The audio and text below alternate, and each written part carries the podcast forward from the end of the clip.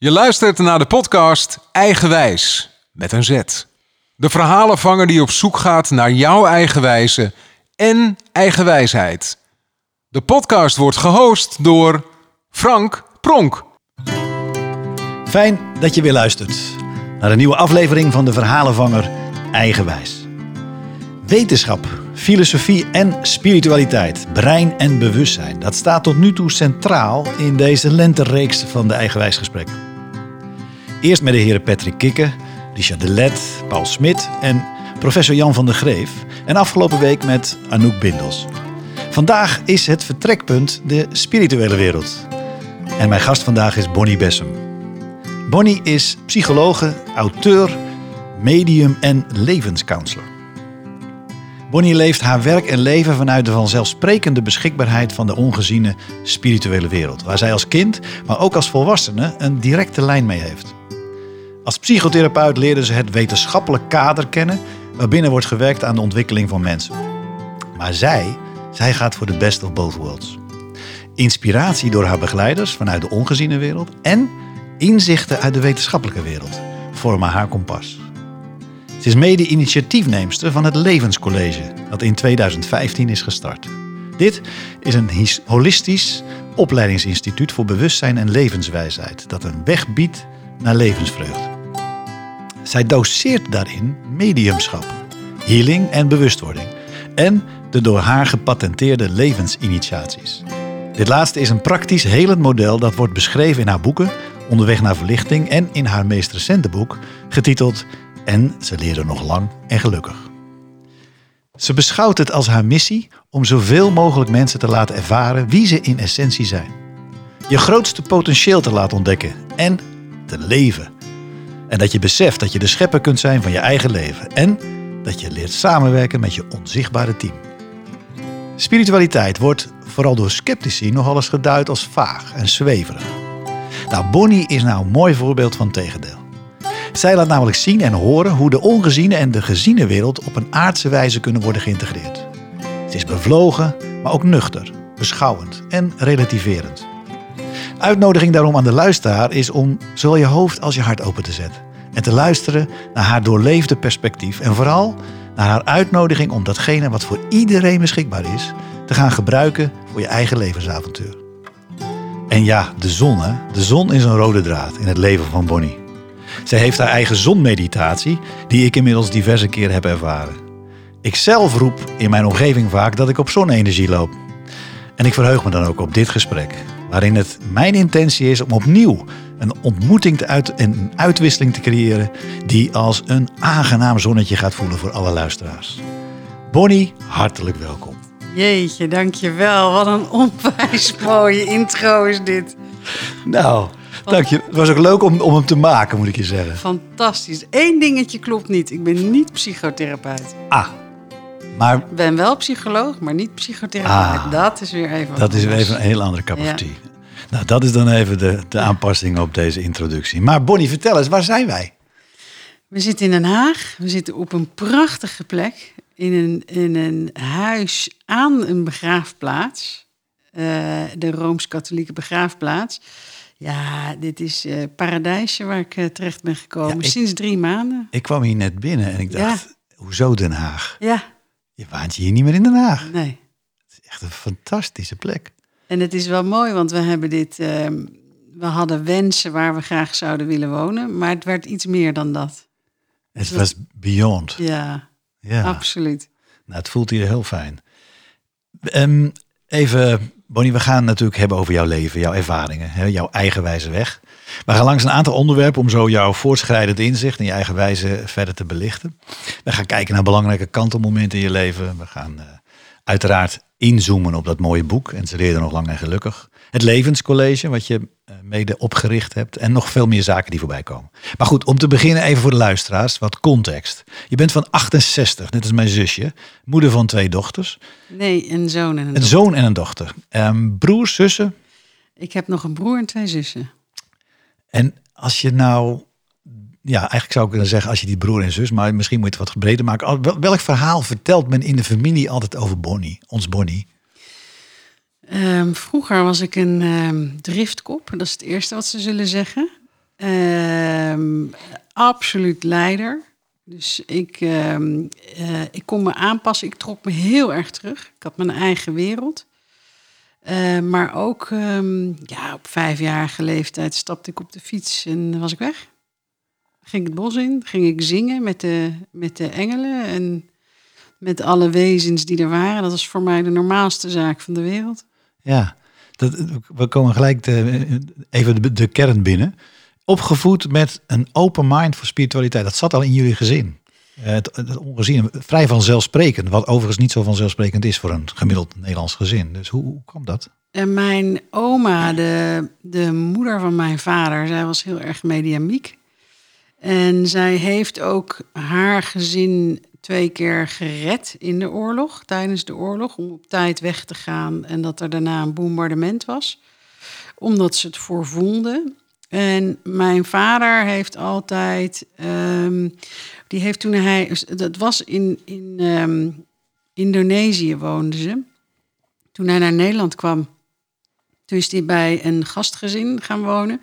En ook die vrouw was heel erg spiritueel. Dus hij heeft dat meegekregen. En hij is eigenlijk zijn hele leven bezig geweest met hoe ziet het er hierna uit? Hoe zit het in elkaar? En, en da daardoor zijn we allemaal er wel ingekomen. Dus de boeken waren er. Ja, en dan En. Indonesië helpt natuurlijk ook als achtergrond. Hè, waar het gewoon veel Ja. meer normaal is Ja. om met die andere ongeziene wereld eh, te communiceren dan in ons westerse model. Zeg maar. Ja, ja, maar mijn moeder die ging braaf naar de kerk en eh, gaf categorisatieles. Dus doen wij, dat is natuurlijk ook een hele bijzondere combinatie. ja. Ja. Hey, dus dat, dit duidelijk. In mijn intro eh, benadruk ik nog wel even de vele oordelen die er vaak zijn hè, over die eh, spirituele wereld. En ik heb niet zo lang geleden met Richard de Let gesproken. Die wordt eh kwakzalver genoemd door de geneeskunde. Ja. En hij, hij beschouwt het overigens als een geuzennaam. ik moet even kuchen.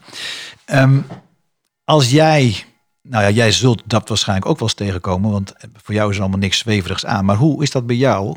Wordt dat ook wel eens in het, eh, in het la- laten we zeggen, in het, in het ehm, kritische getrokken? Eh, nou, wat ik eigenlijk mijn vraag terug is aan mensen als ze zeggen: Goh, dit is wel heel zweverig.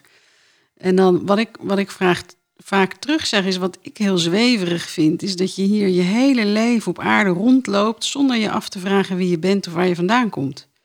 Dat is voor mij zweven. Dan ben je zo niet aanwezig in wie je werkelijk bent en, en wat je hier komt doen. Want als je die vraag zou stellen, kom je als vanzelf ook bij die wereld terecht. Is dat wat je zegt? Ja, want spiritualiteit is eigenlijk voor mij de wetenschap. Wie ben je werkelijk en waar kom je vandaan? Die twee dingen horen natuurlijk heel erg bij elkaar. De psychologie gaat ook, die kijkt ook naar wie ben je, maar die kijkt altijd naar het zelfbeeld wat is gevormd. In de eerste jaren, weet je, je programmering, dan wordt dat zelfbeeld gevormd. Maar niet naar de ziel.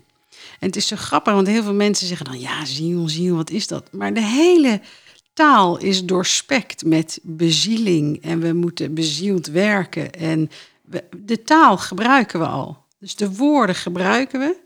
En dat is zo grappig dat we daar dan een beetje even overheen gaan. Hetzelfde had ik laatst met iemand die zei, ja, weet je, die engelen. Heb jij ook niet dat je dan wel eens zegt, goh, ik had een engeltje op mijn schouder. Het had wel eens mis kunnen gaan. Oh ja, ja, ja, dat heb ik wel eens gezegd. Ik zei, je gebruikt de woorden. En waar komen ze vandaan? Maar jij Ja. maakt dus een onderscheid tussen persoonlijkheid en ziel. Ja, absoluut. Wat is voor jou het grote verschil? Het grote verschil is de ziel is wie je bent het moment dat je naar de aarde komt. En het moment dat je op de aarde bent, heb je de eerste zeven à elf jaar heb je de programmering krijg je. Dan krijg je twee lagen om de ziel. Dat is de pijnlaag en daaromheen de persoonlijkheidslaag, het zelfbeeld. Nou, dit, dit is eigenlijk dat model van de levensinitiaties, wat ze me hebben doorgegeven. Met de vraag van mij, ik wil iets hebben wat echt werkt. Want ook in de psychologie kom je wel dingen tegen wat gewoon niet werkt. Eh, maar wat werkt echt? En dit onderscheid, dat je dus ervaart, hé, hey, er is een persoonlijkheidje wat wordt gevormd door pijn, door afwijzing, door tekort aan liefde. En dan krijgen we overlevingsstrategieën, we krijgen allemaal mechanismes. En dat vormt onze persoonlijkheid. Maar dat wil niet zeggen dat we dat zijn. Maar je zegt eigenlijk eerst pijnlaag dan persoonlijkheid. Begrijp je Ja, dat goed? Door de pijn ontwikkelt zich de persoonlijkheid. Vaak is het. ehm, eh, dan krijgen we de overlevingsstrategieën, dan krijgen we de mechanismes, dan krijgen we de triggers. Jan Geurt zegt altijd, althans zegt altijd, een van zijn uitspraken is afwijzing, maar dat kan je dan vertalen als pijn, is, Is absoluut pijn. eigenlijk waar heel veel aan terug te herleiden Klopt. is. Klopt. En, en afwijzing, het is zo apart in, in hoe snel dat gebeurt al. Hè? In, in de buik, in het moment dat je als baby gebeurt het al. Vroeger werd geleerd dat je eh, de kinderen moest laten huilen. Ja, wat, wat, wat doe je dan eigenlijk? Het is complete afwijzing.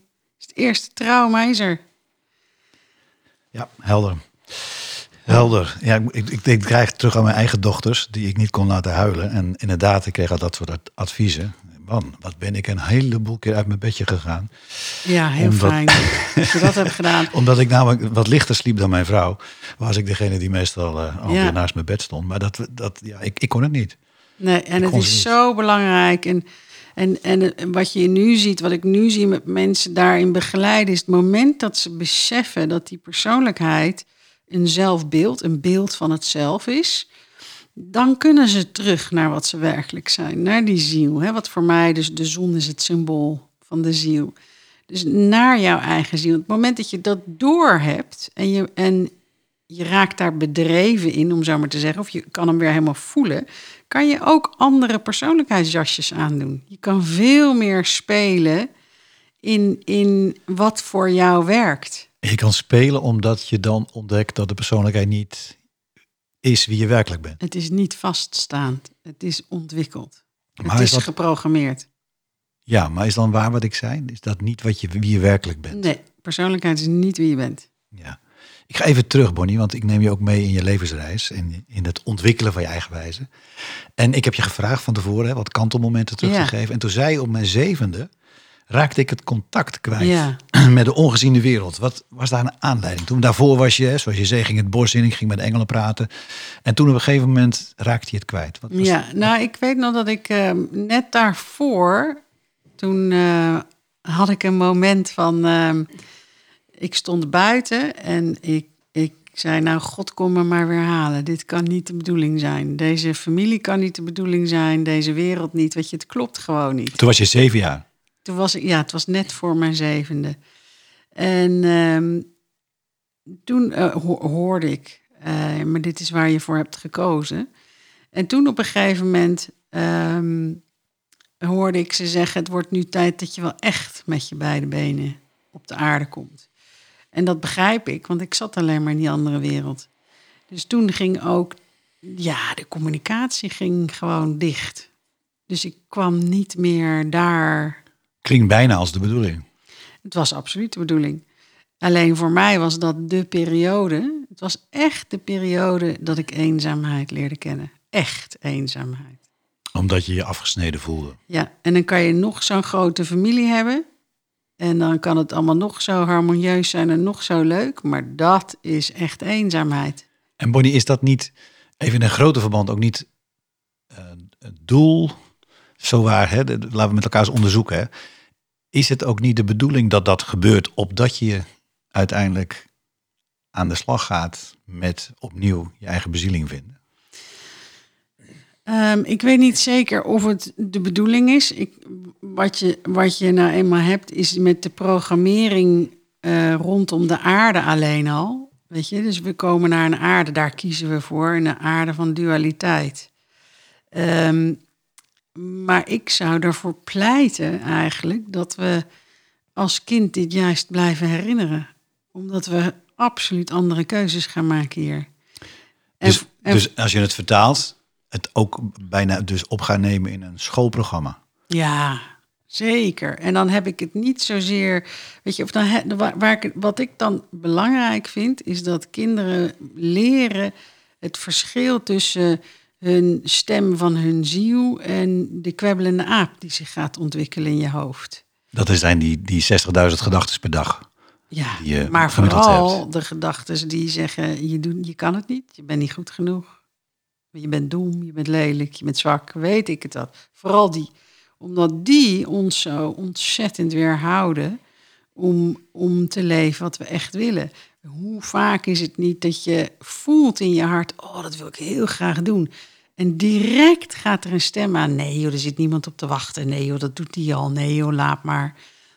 Ja, of het is Volledig niet- herkenbaar. ja, ja. of het is niet goed genoeg, of ik schilder niet goed genoeg, of ik teken niet goed genoeg. En het is zo zonde. Ik had hetzelfde met de podcast. Dat ik dacht, nou, Ja, waarom ik? waarom ik? Ik bedoel, zoveel mensen doen dat al en die doen het hartstikke goed. En wat voeg je dan nog toe? Ja. Maar ondertussen is het eh, iets waar ik ongelooflijk veel plezier aan beleef. ja, maar daar gaat het om. En, dit, en hier, hier zeg je zoiets belangrijks. Het gaat erom hoeveel vreugde haal ik hieruit, hoeveel plezier haal ik hieruit. Maar wat doet de mind? Die zegt nee, het moet een resultaat zijn. Of het moet dit, of het moet dat. Dus we gooien allerlei voorwaarden op. Ja, dan denk je, laat maar. Maar dan leef je niet waar je echt vreugde. De ziel gaat echt voor de vreugde, de vrijheid, de vrede. Die drie veetjes. Dus de vrijheid, de vreugde, En de vrede. dat, en dat is, dan, dat is eigenlijk ook een soort dashboard. Als dat lichtje niet Absoluut. brandt, dan Dan kan je net zo goed, eh dan moet je gaan zoeken waar zit mijn vreugde, vrede en vrijheid. Waar zit die? Daar moet je achteraan. Het is interessant. Ik heet Frank. En Ja. mijn naam eh, is zeer goed gekozen door eh, mijn moeder. Mijn vader wilde me Bas noemen, maar mijn moeder heeft gewonnen. En dat is volgens mij ook heel, heel goed geweest. Want Frank, daar voel ik me ook echt. Dit ben ik ook. En Frank staat voor eerlijk en voor vrij. Ja, heerlijk. En als het dus niet vrij is, dat is de rode draad in mijn leven, dan liep ik ook vast. Ja. Dan wordt als ik de vrijheid niet voelde, dan, nou ja, dat is waarschijnlijk een van de redenen waarom ik me bijna mijn hele leven zelfstandig ben geweest. Ja, en daarmee een beetje regie kon hebben over wat ik ging doen. Maar terug naar jou. Wat ik zo leuk vind aan jou, en daar gaan we ook nog op inzoomen, eh, is dat jij telkens malen zegt, ja, het is wel de niet zichtbare wereld. Het is heel ervaarbaar. En als je het niet met me eens bent, onderzoek het dan. Je bent heel erg van het bewijzen en onderzoeken. ja. Licht eens toe. Ehm, nou, A, al het zichtbare wordt geregeerd door het onzichtbare. Dus dus eh, jouw hele lijf wordt geregeerd door het onzichtbare. Je gedachten zijn niet zichtbaar, je gevoelens zijn niet zichtbaar. Liefde is niet zichtbaar, de wind is niet zichtbaar. Het is alleen het gevolg wat je ervan ziet. De hele wereld wordt gestuurd door het onzichtbare veld. Nou, en dat vind ik interessant, want als je dan naar de natuurkunde gaat en dan iets verder, de kwantumfysica, dan zie je dat alles energie is. En daar gaat het me om. Het gaat me erom dat we, weet je, spiritualiteit, ik weet niet waarom het in het zweverige is getrokken. Het is een wetenschap, het is gekoppeld aan de kwantumfysica. En er zijn steeds meer eh, onderzoekers in, in die kwantumfysica die aangeven wat vroegere goeroes al lang deden, beweerden en wat mogelijk is. En dat wordt nu steeds meer bewezen. En dat is ook de rode draad van de afgelopen gesprekken geweest. Want ook daar ligt mijn grote ja, interessegebied. Ehm, jij bent, dat wist ik helemaal niet dat het bestond. Jij bent naar Engeland gegaan, naar het eh, Arthur Findlay College. Ja, En dat ligt ergens tussen Londen en Cambridge, heb ik uitgezocht. Ehm, Ja. Wist echt niet dat het bestond, maar daar word je opgeleid tot medium. ja fantastisch. Vertel eens. Ja, wat- fantastisch. Dat is, eh, eh, dat, dat is in Engeland heb je de Spiritual National Union. Dat is dat spiritualiteit daar is hetzelfde als je zou invullen ik ben joods of ik ben katholiek. Dus vul je daarin ik ben spiritueel, dan dat betekent dat je die principes en die dingen, dat is veel meer een, een, een geloofsovertuiging. En hier is spiritualiteit een containerbegrip. Dat is het daar niet. Je hebt in iedere ehm, afgelegen dorp heb je wel een spiritual church. En dan kom je binnen en dan geeft iemand een address, een geïnspireerd verhaal. En dan heb je mediums die boodschappen doorgeven van overledenen. Met het doel dat je bewijst dat het leven doorgaat. Dus je moet ze wel goed opvangen. Weet je, niet, oh, ik heb hier oma en die zegt dat. Dat is niet genoeg. En toen wij aankwamen daar, Hoe oud was je toen? eh 24, En wij zijn? eh, mijn zus en mijn vader. En toen wij aankwamen daar, toen waren zij net, hadden zij de switch gemaakt. dat je, dat je ook les kon krijgen. Daarvoor was het alleen maar dat je keek naar mediums die werkten. Nou, daar heb je een paar hele grote zijn er geweest. Zo'n Gordon Higginson die, die de, de Royal Albert Hall altijd vol had zitten. Dat is een, is een absoluut begrip daar. En ehm, die dan kon zeggen, ik heb eh, Jan hier, die is zo oud geweest. Dit was zijn beroep. Dit is zijn straatnaam. Ik moet naar de derde rij op het tweede balkon linksachter. Herken je dat? Uh, ja. Ja, dat is, dat is zo'n um, hoog niveau mediumschap. Zo helder wat hij hoorde. En, en alles hoor, wat hij deed. En toen wij aankwamen, kregen we les. Dus dat was wel mooi. Dus wij zijn daar, ja, ik ben eigenlijk als, als uh, ik vind een beetje jonge gup, rende ik daar rond. En alles was leuk. En dan hadden we om negen uur waren we klaar. En dan was ik nog niet klaar. En dan gingen we de kelders in. En dan gingen we allemaal experimenten doen. En wat gebeurt er met de temperatuur? Wat gebeurt er met je bloeddruk in het mediumschap? En mijn vader, die was arts. Dus die had zijn apparatuur bij zich. Dus alles moest natuurlijk gemeten worden en bekeken worden. En hoe zit dat dan? En wat is dat dan? Ja, dat is super. Het is super gaaf dat je dat met je vader kan doen. Ja, ja, en de hele familie. Hè? Dan liepen we echt met z'n allen rond. En dan hadden die leraren ook zoiets. Oh jezus, daar komen ze weer. Allemaal eigenwijs. Ja, allemaal eigenwijs. Allemaal eigenwijs. maar jij uh, beschrijft Royal Albert Hall uh, vol. Ik herinner me hier eh, Paul Oakley. Paul Jacobs. Die hier in Nederland ook met die televisie hebben. Dus, nee, dat is Paul Ogleville, ja. Precies, die bedoel ik. Dat geeft het ook weer een beetje show-element. Wat maakt dat we dit, ja, laten we zeggen, gemiddeld genomen zo ingewikkeld vinden om te accepteren? Heb je daar een idee bij? Omdat je dit van jongs af aan niet meekrijgt, ga je inderdaad naar het Verre Oosten. Dan, dan leeft iedereen met zijn voorouders. Dat is allemaal heel normaal. En hier in het Westen is toch is natuurlijk de nadruk zo gelegd op ons ratio. Ja. En het grote probleem daarvan is dat we eh, werelden hebben buitengesloten. Doordat we zo gefocust zijn met kinderen, ook op het ratio en in dat gareel te krijgen, in het vakje wat is normaal tussen haakjes.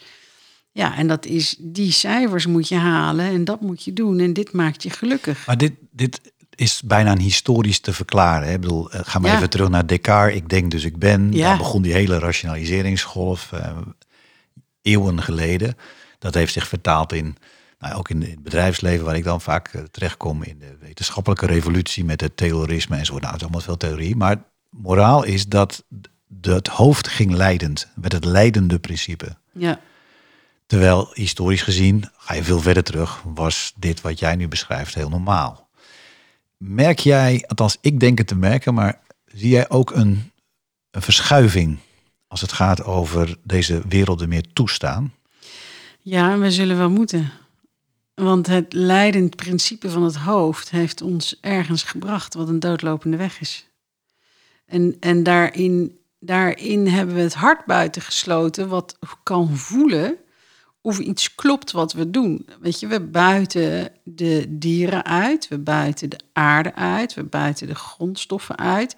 Maar als je hart niet open is, dan, kan je, dan voel je het ook niet. Je voelt niet wanneer je een dier eet. Want dat, is, joh, dat maakt er niet uit totdat je hart open gaat staan. Dan ga je hem voelen. Dan kan je geen hap meer door je keel krijgen dan word je voorzichtig met de dingen die er om je heen gebeuren. Dus je voelt het geheel. Van we hebben het met z'n allen te doen. En, en dat is nu, als ik het verklaar vanuit wat ik heb gehoord vanuit de andere kant, en dat is echt al een aantal jaren hoor ik dat, de grote omslag die er moet komen. We zitten aan het einde van de kaliteit. Dat is het echt grote materialistische uh, veld waar we in zitten. En terug naar het hart. Er is een grote hoeveelheid licht wat naar de aarde komt. Wat ook al meetbaar is trouwens vanuit de zonnevlammen. Ja, en die gaan absoluut iets doen. Dus wat je voelt, mensen voelen steeds meer dat er iets gebeurt met hun hart. Uh, mensen die al gevoelig zijn, die worden er af en toe helemaal gek van, want die worden overgevoelig. Ja, en dat, daar ben ik wel blij mee. Dus ho- hoe je het wendt of keert, het gaat gebeuren. Sluit natuurlijk perfect aan bij jouw missie. Wat je waarschijnlijk als, als jong kind al voelde van dit heb ik te doen. Ja, In je missie schrijf je, of beschrijf je onder andere aan, de, aan het laatste zinnetje en contact maken met je onzichtbare team. ja, Licht eens toe. ja, zo belangrijk. Je gaat niet alleen naar de aarde.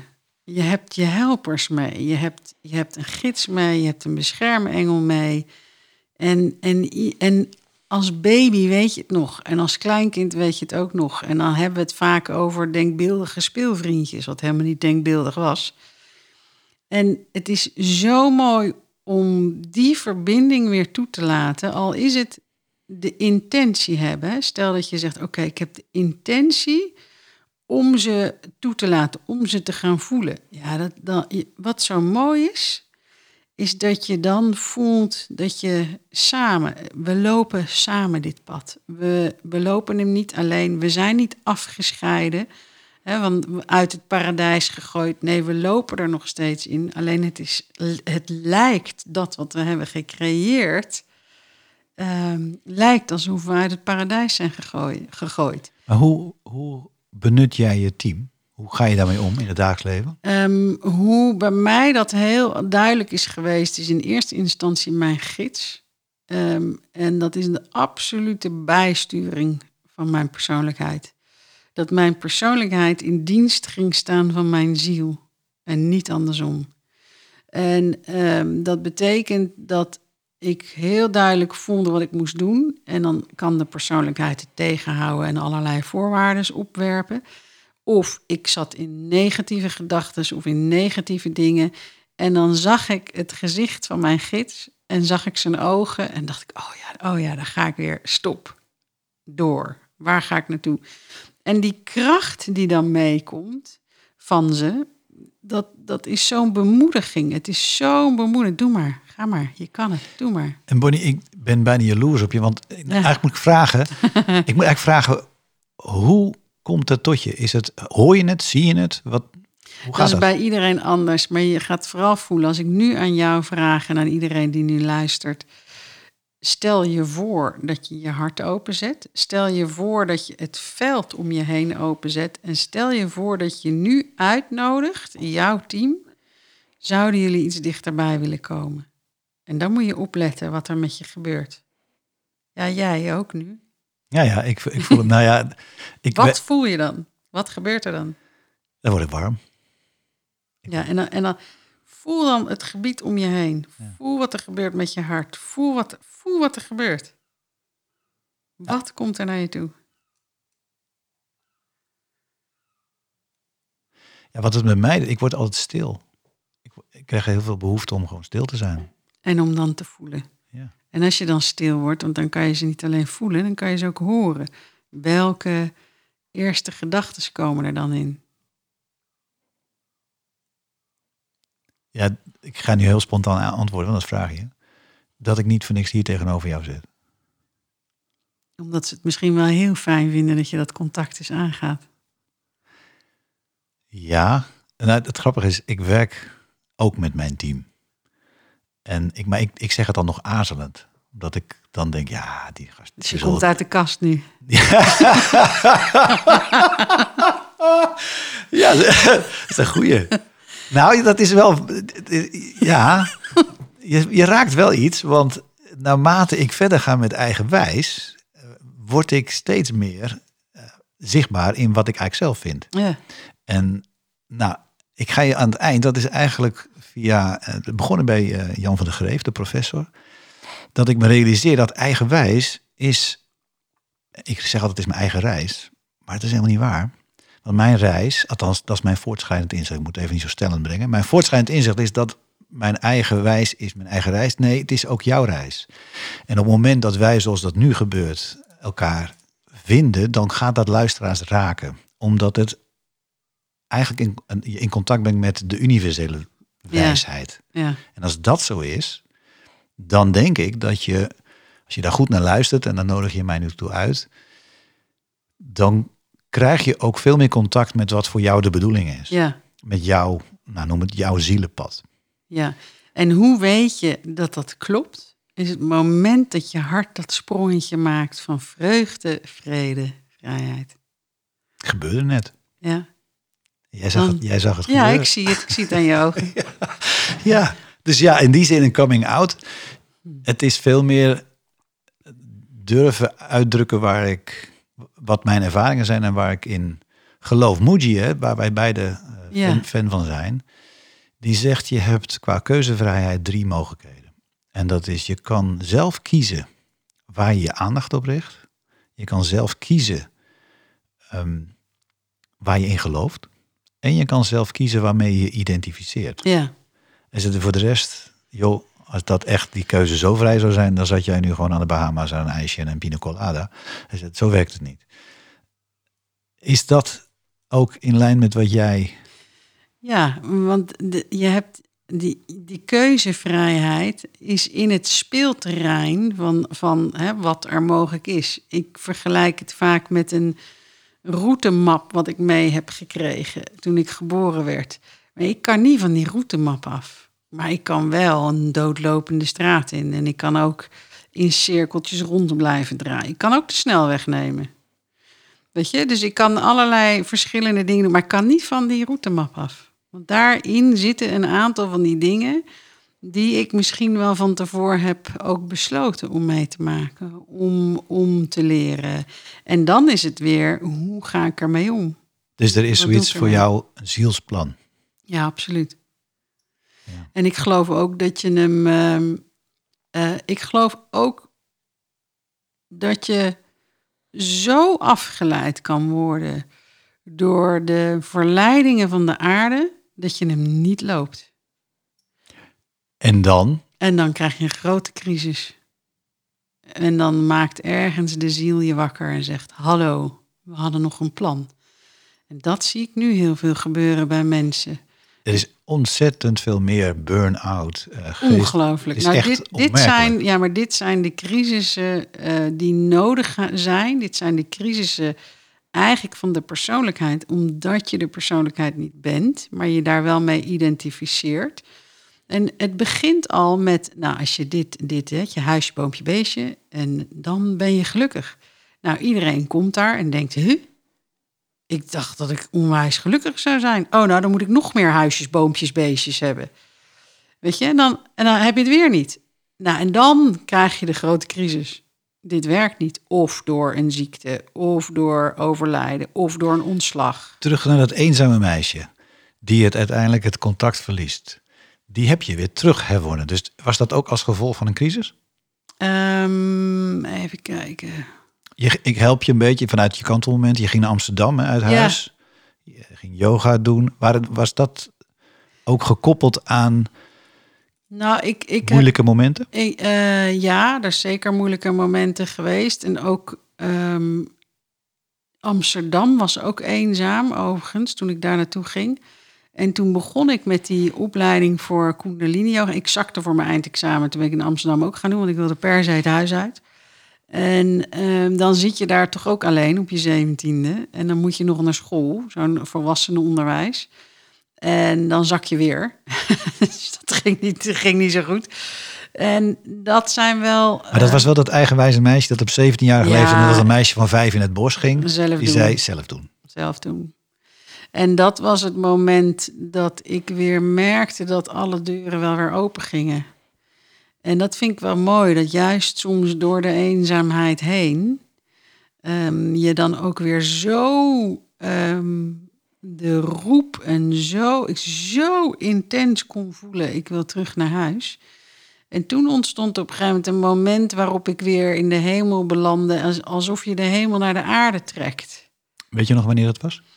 Ehm, dat is een moment geweest in een meditatie waarin ik ook heel emotioneel was door eenzaamheid en een gevoel van afgescheidenheid. En ik zo diep verlangde naar, eh, naar huis, naar God. Voor mij was het ook het woord God. Omdat ik dat als kind sprak ik daarmee. Dat was voor mij eh, heel normaal. En toen ik een soort, ja, zo'n diepe genade wat je dan voelt. Ik ben weer thuis. Alles is er weer. En toen gingen alle deuren weer open. Ja. En toen ontvouwde zich weer het plan zoals je voelde dat het klopt. Nou, ik wist het plan wel, ehm, want dat wist ik ook toen ik tiener was. Alleen ik kon niet meer met hun verbinding maken. Wat wist je toen? Ik wist wat ik hier kwam doen. En, en, en je hebt de, ik ga die mooie missie niet herhalen, maar als je ik, nu in ik je eigen woorden nou, zegt. ik, ik heb altijd geweten dat ik hier kom voor twee dingen. Is om mensen ehm, te laten ervaren waar ze vandaan komen. En om ze terug te brengen naar wie ze zijn. Dus wij starten daarmee, wat is zweverig? Voor mij is zweverig als je die twee vragen niet kunt beantwoorden. Dan, dan leef je maar een leven. En, en eh, dus dat zijn de twee dingen die ik altijd essentieel heb gevonden. Hoe ga je erachter komen wie je bent en waar je vandaan komt? Door verbinding te krijgen met jouw spirit team. Met de ongeziene wereld, met het goddelijke, met overledenen. Omdat ze je ook, weet je, die, die hele zoektocht. En dat maakt je niet dat je alleen maar daar leeft, verre van ik heb het idee dat ik veel meer met mijn beide poten op de grond staan dan de meeste mensen. In wat gebeurt er allemaal. En ehm, dus je brengt het ook echt in je dagelijks leven. En dat is wat we. Dat is ook wat we hier, wat zo belangrijk is om te beseffen als mens. We zijn medescheppers van ons leven. Ja, we hebben een stuk besloten. Um, we maar we creëren ook ter plekke. Hoe ga ik met dingen om? Hoe zet ik het in? Als ik mijn ziel volg, ga ik een totaal ander leven in dan als ik mijn persoonlijkheid en mijn angst blijf volgen. Ga ik even op in, want je hebt psychologie gestudeerd. Ja, Je hebt je verdiept in, laten we zeggen, psychologie gaat vooral over de persoonlijkheid. Ja. Dat gaf je al aan. In je boek schrijf je, en ik citeer, ik stel voor dat we met een holistische blik gaan kijken naar alle mensen en denk dat spiritualiteit de missing link is in de genezing van mensen.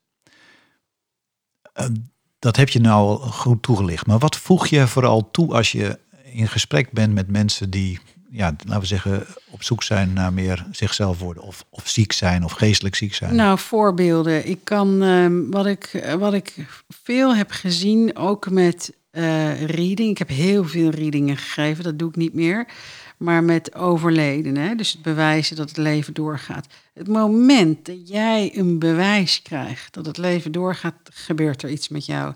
Want dat betekent dat jij ook eeuwig bent, dat jij ook doorgaat. Maar ook wat ik heb gezien, um, en dan, ga je de dan krijg je de combinatie tussen de psychologie en de spiritualiteit, of het mediumschap, kan je beter zeggen.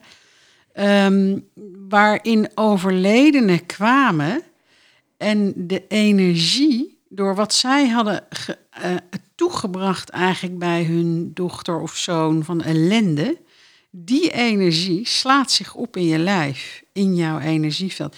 Die haalden ze terug. Ze vroegen het terug te halen, omdat zij het kunnen transformeren. Veel makkelijker dan waar wij mee lopen. Nou, daar heb ik wonderen mee zien gebeuren. Waarin mensen hun, hun pijn, hun triggers, hun gevoelens van ik word niet gezien, niet gehoord, hè, wat vaak ontstaat bij de ouders, door de ouders. En daarin wil ik ze niet de schuld geven, want het is allemaal uit onbewustheid dit. En als zij dan komen en, ze, en zo voelbaar zijn met de liefde die ze nu hebben en dat stuk weghalen, dat is absoluut wonder. Want daarmee zie je dat de pijnlaag opgelost gaat worden. Wat doe jij dan? Ik ben zo ontzettend nieuwsgierig hoe het werkt. Uh, wat ik doe, ik hoor um, een, een overleden ouder. En die praat. Die praat met mij. Dus ik vertel uh, wie die is, hoe, wat is zijn karakter, wat zijn de laatste gesprekken geweest. Um, en wat vond die persoon leuk? He, soms hele specifieke dingen. En waarmee dus degene die het aangaat ook kan checken of dat wel of ja. niet. Ja. En je, je, je, geeft ook dingen door die je ook zelf niet weet. Uh, nee. Weet je, ik heb ook wel eens dat ik, dat ik zeg, goh, grappig, ik zie hem de hele tijd, uh, zie ik iemand bij de haringkar staan, weet je, of er moet de hele tijd haring. En, en, uh, en dat, dat blijkt dan te kloppen. Iemand die iedere dag haring eet. Ja, dat is een heel specifiek iets voor iemand die is overleden. Dat soort dingen. En soms denk ik, joh, ik weet niet eens wat er wordt gezegd. Maar de ander zegt, ja, maar dit herken ik. Dit is voor mij zo duidelijk. Maar ik heb ook, ehm, ehm, wat ik ook wel eens krijg, en dan zie je ook weer hoe mooi dat werkt, is dat ik een reading had en dan komt er opeens op het laatst iemand anders. En die zegt, ik wil zo graag contact met mijn dochter. En ehm, ik wil contact met eh, die en ik ben dit, dit, dit. En waarop, die, waarop de ontvanger zegt, ja, ik weet over wie het nu hebt, maar ik heb helemaal geen contact meer met die dochter. dus ik kan het haar helemaal niet zeggen. En, en ik weet eigenlijk helemaal niet of ze hiervoor open staat. En waarop ik dan vaak de ongeziene wereld hoor zeggen: binnen twee weken loop je er tegen het lijf. En ze lopen letterlijk de ander tegen het lijf in een supermarkt of in wat dan ook. En dan gaan ze het zeggen. En de, de golfbeweging die dat geeft, waardoor die dochter ook um, gaat luisteren naar wat is de boodschap, wat komt er. En daarin zo'n ondersteuning vindt in haar processen waar ze in zit, waardoor ze dat veel makkelijker kan dragen.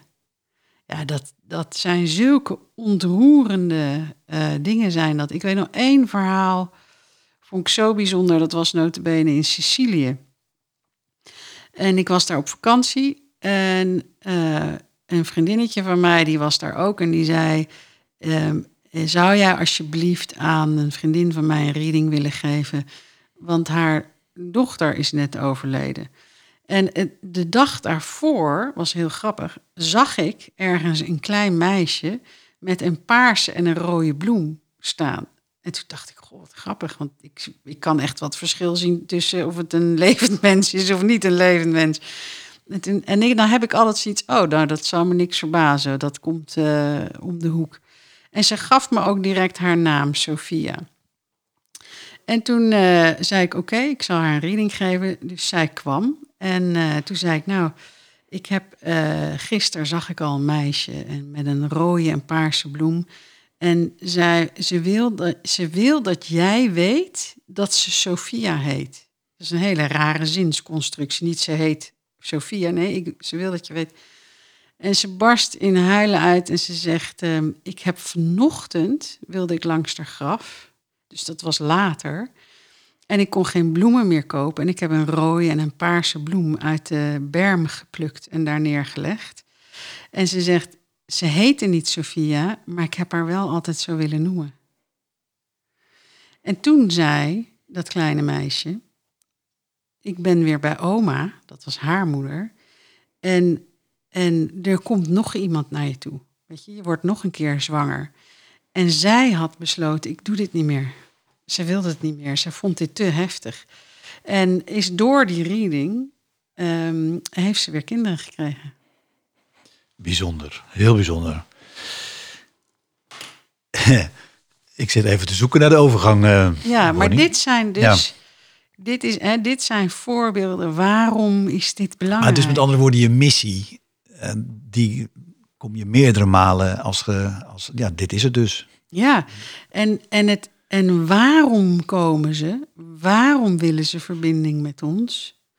Om, om A, door te geven, leef jouw eigen ziel. Leef wat er in jouw hart. Wat, want met alles wat je nu meer weet, wat maakt dat zo belangrijk? Um, omdat je omdat we dan leven in hoe het de bedoeling is. Als jij leeft vanuit de persoonlijkheid, wat een constructie is van een zelfbeeld, dan leef je het leven helemaal niet. Die, die snap ik. Maar als je toch even naar het leven van die ziel is heel belangrijk dat je het gaat leven. Hè? Laat, laten we die even onderzoeken. Met welk doel? En dat zou voor iedereen anders zijn.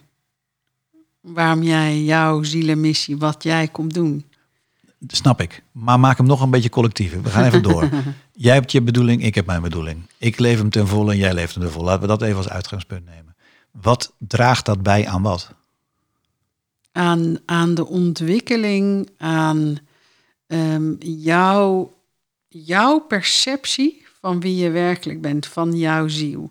En dan kan je hem nog groter trekken. Uh, wie zijn we? Uh, horen we allemaal tot dat ene geheel? En het ene geheel wat zichzelf op allerlei mogelijke manieren projecteert en ziet wie ben ik. Maar in die deeltjes zitten weer hele werelden die we creëren. En, en ergens wat ik voel is toch altijd weer terug naar de eenheid. Dat, terug daar naartoe. Dit vind ik zelf altijd een hele grote vraag. Ik was bij Muji en toen wilde ik hem de vraag stellen. Ik heb hem niet gesteld. Hij heeft zo'n uitspraak: Life uh, transforms life, still remain life. Ja. En dat is eigenlijk, uh, ja, zoals ik hem vertaal, en, en ook in jouw tekst, je komt met een plan, je gaat dat zielenplan leven om vervolgens te ontdekken dat je terug naar huis gaat. Dus als ik het nog veel simpeler zeg, we komen als het even vanuit die metafoor van huis, we gaan op reis met maar één doel, weer thuis te komen. En dan is mijn vraag altijd, waarom zijn we überhaupt vertrokken? Ja, maar dat is ieder helder verhaal. Als je kijkt in de geschiedenis, is ieder helder verhaal de held die uh, weg moet van iets wat er al is. Um, alle in de dualiteit terechtkomt om te zien wat hier is en om zichzelf weer te vinden en te ervaren. Maar dat was ik al. Het is constant de cirkel. Dat begrijp ik heel goed, maar mijn, mijn maar waarom doen we dat? Ja, precies. Maar mij denkt, ja, maar waarom dan? Ik denk dat je dat aan een grote baas daarboven Ja, hè? kom, kom maar niet Weet je, wat het, weet je wat het is? Ik heb uh, het andere boek wat ik heb geschreven met mijn vader, hè, Hemeltaal, waarin hij uh, na zijn overleden, overlijden dus allemaal dingen doorgeeft. En hij, het is zo mooi wat hij hierop zegt. Hij zegt, ik kan je wel antwoorden geven, maar als je het bewustzijn niet hebt, ga je hem verdraaien tot iets wat het niet is. Dus er zijn vragen waarin wij het bewustzijn niet hebben door onze hersens om dat te kunnen begrijpen. En ik heb wel eens momenten gehad dat ik uit de beperking was van het lichaam. Ja, dan snap ik hem. En dan nog kan je hem niet verwoorden. En dat snap ik, want het leven kun je niet snappen, maar wel ervaren. Ja. Paul uh, Smit, die zegt, of beweert, en daar heeft hij best veel bewijs voor, is dat je bewuste brein maar slechts 60 seconden, uh, sorry, 60 bits per seconde is. Maar je onbewuste brein 16,2 miljoen. Ja. Dus 200.000 keer zoveel. Met andere woorden, wij regeren vanuit ons onbewuste brein. Dat is zijn bewering. Ja. daar geloof ik hem ook. Is dat ook voor een deel de verklaring die jij zegt? Want in dat onbewuste hebben we natuurlijk een mega veel meer potentie... als dat we met ons kleine kopje proberen te begrijpen. Ja, ja. Absoluut. En, en, en wij worden niet getraind in het leven om, het onder, om te reizen in het onderbewuste.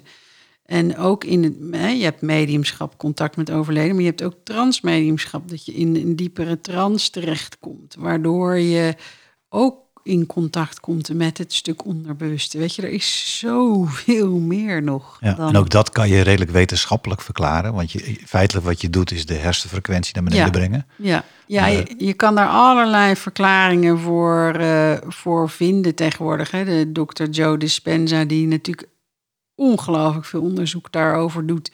En, en ook bewijst de mind over matter theorieën. Weet je, dat we, we zijn zo krachtig met dat onderbewuste denken. En het start wel even met bewust, maar dan moet je het in je onderbewuste, want dat is veel sterker. En waar, wat komt er bij het onderbewuste bij? Het hart. En daar zit hij. En het hart, zou je dan kunnen zeggen, is de toegangspoort naar je ziel. Ja, ja. Het hart is echt de, de, het moment dat je al verbinding. Weet je, het verschil als je verbinding maakt met je hoofd. En ik, en ik breng mijn aandacht naar mijn hoofd. Dan zie ik al die gedachten gaan en hè, we hebben een gesprek en noem maar op. Ga ik mijn aandacht brengen naar mijn hart, dan gaat die direct open. En dan voel ik, dan voel ik jou. Het is een heel ander verhaal. Een hele andere belevenis van, van, van alle dag al. Uh, bloemen kun je naar kijken, daar kun je aan ruiken. Maar als ik mijn hart openzet, dan ga ik hem helemaal omvatten. Dan voel ik hem, dan word ik het. Hoe zet jij je hart open, Bonnie? Dat is door, door je start met, heel simpel, gebruik je verbeelding. Dus de verbeeldingskracht is, is de poort tot communicatie. Wat hebben wij ervan gemaakt? Dat is fantasie. Het is niks. Maar de verbeeldingskracht is de bodem waarin het mogelijk is tot voelen, tot scheppen, tot ontvangen. Dus doe jij, want ik vroeg wat je doet, dan verbeeld je Ik dat je verbeeld- hart open gaat. Ja, die gaat open en dan ga ik hem voelen. Dat is wat ik doe. Dus het start allemaal met de intentie en de verbeelding. Dus je aandacht, want dat is weer het verhaal van moeder, je aandacht gaat richting je hart. Ja. Je intentie is hem open te zetten. ja. ja, En je identificeert je dan op dat moment met de ziel en niet met je persoonlijkheid. nee, klopt. Zo, krijg je ook totaal ander antwoord. Als je, als je vragen hebt in het leven en je probeert het met je brein te beantwoorden, kansloos Ja. verhaal. Gaat altijd in cirkels. Maar ga je je aandacht naar je hart en je gaat hem vanuit je hart beantwoorden. Wendy eh Jurgens, mijn yogadocent, die zegt altijd, eh, als we met kwesties rondlopen, zegt ze, wat zegt nou eigenlijk je hoofd? Wat zegt dan je hart? Ja, En wat zegt eigenlijk je ziel? En je krijgt drie keer een ander antwoord. ja, Dat vind ik altijd wel een hele fijne. ja, is mooi. Ik wil even naar je vader, want dat vind ik ook zo'n fascinerend verhaal. Je vader is arts, Ja, dus opgevoed in de, laten we zeggen, rationele wereld. ja, Toch, je vertelde het al in eerder, dat je vader meegekregen heeft die, die niet geziene wereld. Dat werd voor hem gewoon. Hij nam je mee naar dat college in, in Engeland. Dat lijkt me dus fantastisch als Ja. je vader dat doet. Ik bedoel, dat lijkt me echt geweldig. Maar hij overlijdt 28 juli 2015. ja, En je beschrijft, en in je boek Hemeltaal gaat erover. Je beschrijft dat hij een paar dagen na zijn overlijden boodschappen stuurt naar al zijn eh, kinderen ja, niet wetende van elkaar komen jullie elkaar tegen en blijken jullie dezelfde boodschap te Ja. hebben gekregen. Vervolgens wordt hij voor jou een heel belangrijke gids. ja. Vertel daar eens iets over. Ja, nou hij nam de plek in van mijn gids. Omdat hij het nodig vond dat we hier eens, eh, dat we dit boek moesten schrijven. En het was een grappig, want hij is ook altijd daarmee bezig geweest. We hebben al 30 jaar een, een zondagcirkel, wat ik overigens nu online doe. Maar in die zondagcirkel in de kelder, daar was altijd het doel contact met de ongeziene wereld. In de kelder. In de kelder. Wij hebben bij mijn ouders, dat noemen we de kelder, is ook in de kelder. Dat is onze seance ruimte. Toen wij tieners waren, was het onze feestkelder. En dat werd op een gegeven moment onze seance kelder. Ook een soort feest. Ook een feest is dat. En eh, daar iedere zondag om 12 uur zitten. En daar ontstond ook bij mij transmediumschap, waarin ze door me heen gingen praten. En hoe, hoe in het begin was ik helemaal weg. En dan, ja, dat is zo zuiver, de boodschappen die dan doorkomen. En die stonden toen, ik was toen 24, zo ver van mijn bed en zo ver van wie ik was. En ehm, ja, daar zijn we. ehm, daar zijn we toen in gaan ontwikkelen. Maar dit is niet helemaal de antwoord op je vraag. Nee, want ik ging naar je vader. Je vader Ja. die, door, die berichten doorgaf vlak na zijn dood. En die zei, wij moeten een boek schrijven. Ja. Hij verving je gids. Ja, en hij heeft dus, hè, wij zijn daarmee bezig geweest. En toen overleed hij. En toen twee dagen na zijn overlijden zei hij: Nou, Bon, je hebt nou leuk eh, twintig jaar geoefend. Dan gaan we beginnen. Toen dacht ik: Oh ja, tuurlijk. Want we zaten al twintig jaar in die kelder. En hij was daar ook mee bezig. En hij wilde ook weten hoe zit dat allemaal in elkaar. En nu is hij er. Dus nou gaat hij het vertellen. En hoe komt hij dan, hoe, hoe, komt, hoe krijg je de contact? En hoe is dat contact? Hoor je hem, zie je hem? Dwingend vond ik hem. Heel dwingend. Hij, hij kon überhaupt wel dwingend zijn. En als ik dan, eh, dus ik moest gaan schrijven. En dan in het schrijven kwamen ehm, alle, alle teksten van hem. Maar een beetje zoals een ongewoon gesprek met God. Ja. Heel Donald, Donald Ja. Die zeg maar zijn pen ging. Nee, zijn pen ging niet. Hij heeft dat ook gewoon, eh, dat is echt iets anders. Dat, dat, dat is echt een ander, eh, daar verwarren mensen zich in. Automatisch schrift is echt wel even een ander verhaal. Maar dit was geen automatisch schrift, maar Nee. je werd wel geïnspireerd. En mijn, ja, mijn aardse vraag is, hoe werd je geïnspireerd? Nou, je hebt een, ehm, weet je, je hebt, ik, ik stelde vragen en daarin hoorde ik hem in mijn hoofd het antwoord geven. Eh, Bijna hetzelfde als ik tegen jou zou zeggen, denk eens aan iemand en wat zou die tegen je zeggen? Hè, dus, het, dus je moet, het lijkt ook zo vaak op, ja, maar dat wil ik horen of dat is mijn fantasie. Maar waarin zit het grote verschil? En dan ga ik weer terug. Je hart doet opeens mee. Je wordt geraakt. Er gebeurt iets. Je krijgt hartkloppingen. Er komt versnellingen. Je lichaam, je energie. Alles reageert in je. Daarin weet je het verschil tussen... Nou, ik bedenk dat mijn vader dit zou zeggen. Of in die verbeelding hoor ik hem praten. en mijn hart gaat mee. Dat is het verschil. De levendigheid. Nou, toen heb ik dat allemaal opgeschreven. Dan ben ik iedere keer ben ik die stukken ook direct gaan delen. En toen ehm, hebben we daar uiteindelijk een boek van gemaakt. En wat zo mooi was, mijn uitgever die zei... Na het editen ben ik volledig overtuigd geraakt van dat dit werkelijk waar is. En toen zei ik, hoezo dan? Hij zegt, nou, alles wat jij schrijft moet ik redigeren, omdat je dramatisch bent in je Nederlands. En alles wat is doorgegeven, hoeft ik niets aan te veranderen. Hij zegt, nou, dat kan jij niet. Fascinerend. Ja, mooi is dat, hè? Ja, prachtig. Dus zo'n stuk, dat stukje Ja. was voor hem het grootste bewijs. Ja, mooi. Ja, Hey Bonnie, ehm, ja, ik heb nog zoveel vragen voor je. En wat ik ga doen, is dat wij deze podcast in, eh, in twee delen gaan doen. Dus ik wil met jou zo meteen eh, in gaan zoomen op het nieuwste boek. ja, En ze leren nog langer gelukkig. ja. En dit deel even als deel 1 beschouwen. En dan eh, vervolgens eh, een deel 2 met jou gaan Mooi. eh, doen. Dus we gaan heel even pauzeren ja. en dan gaan we door. heel goed. Oké, Super. tot straks. Hoi.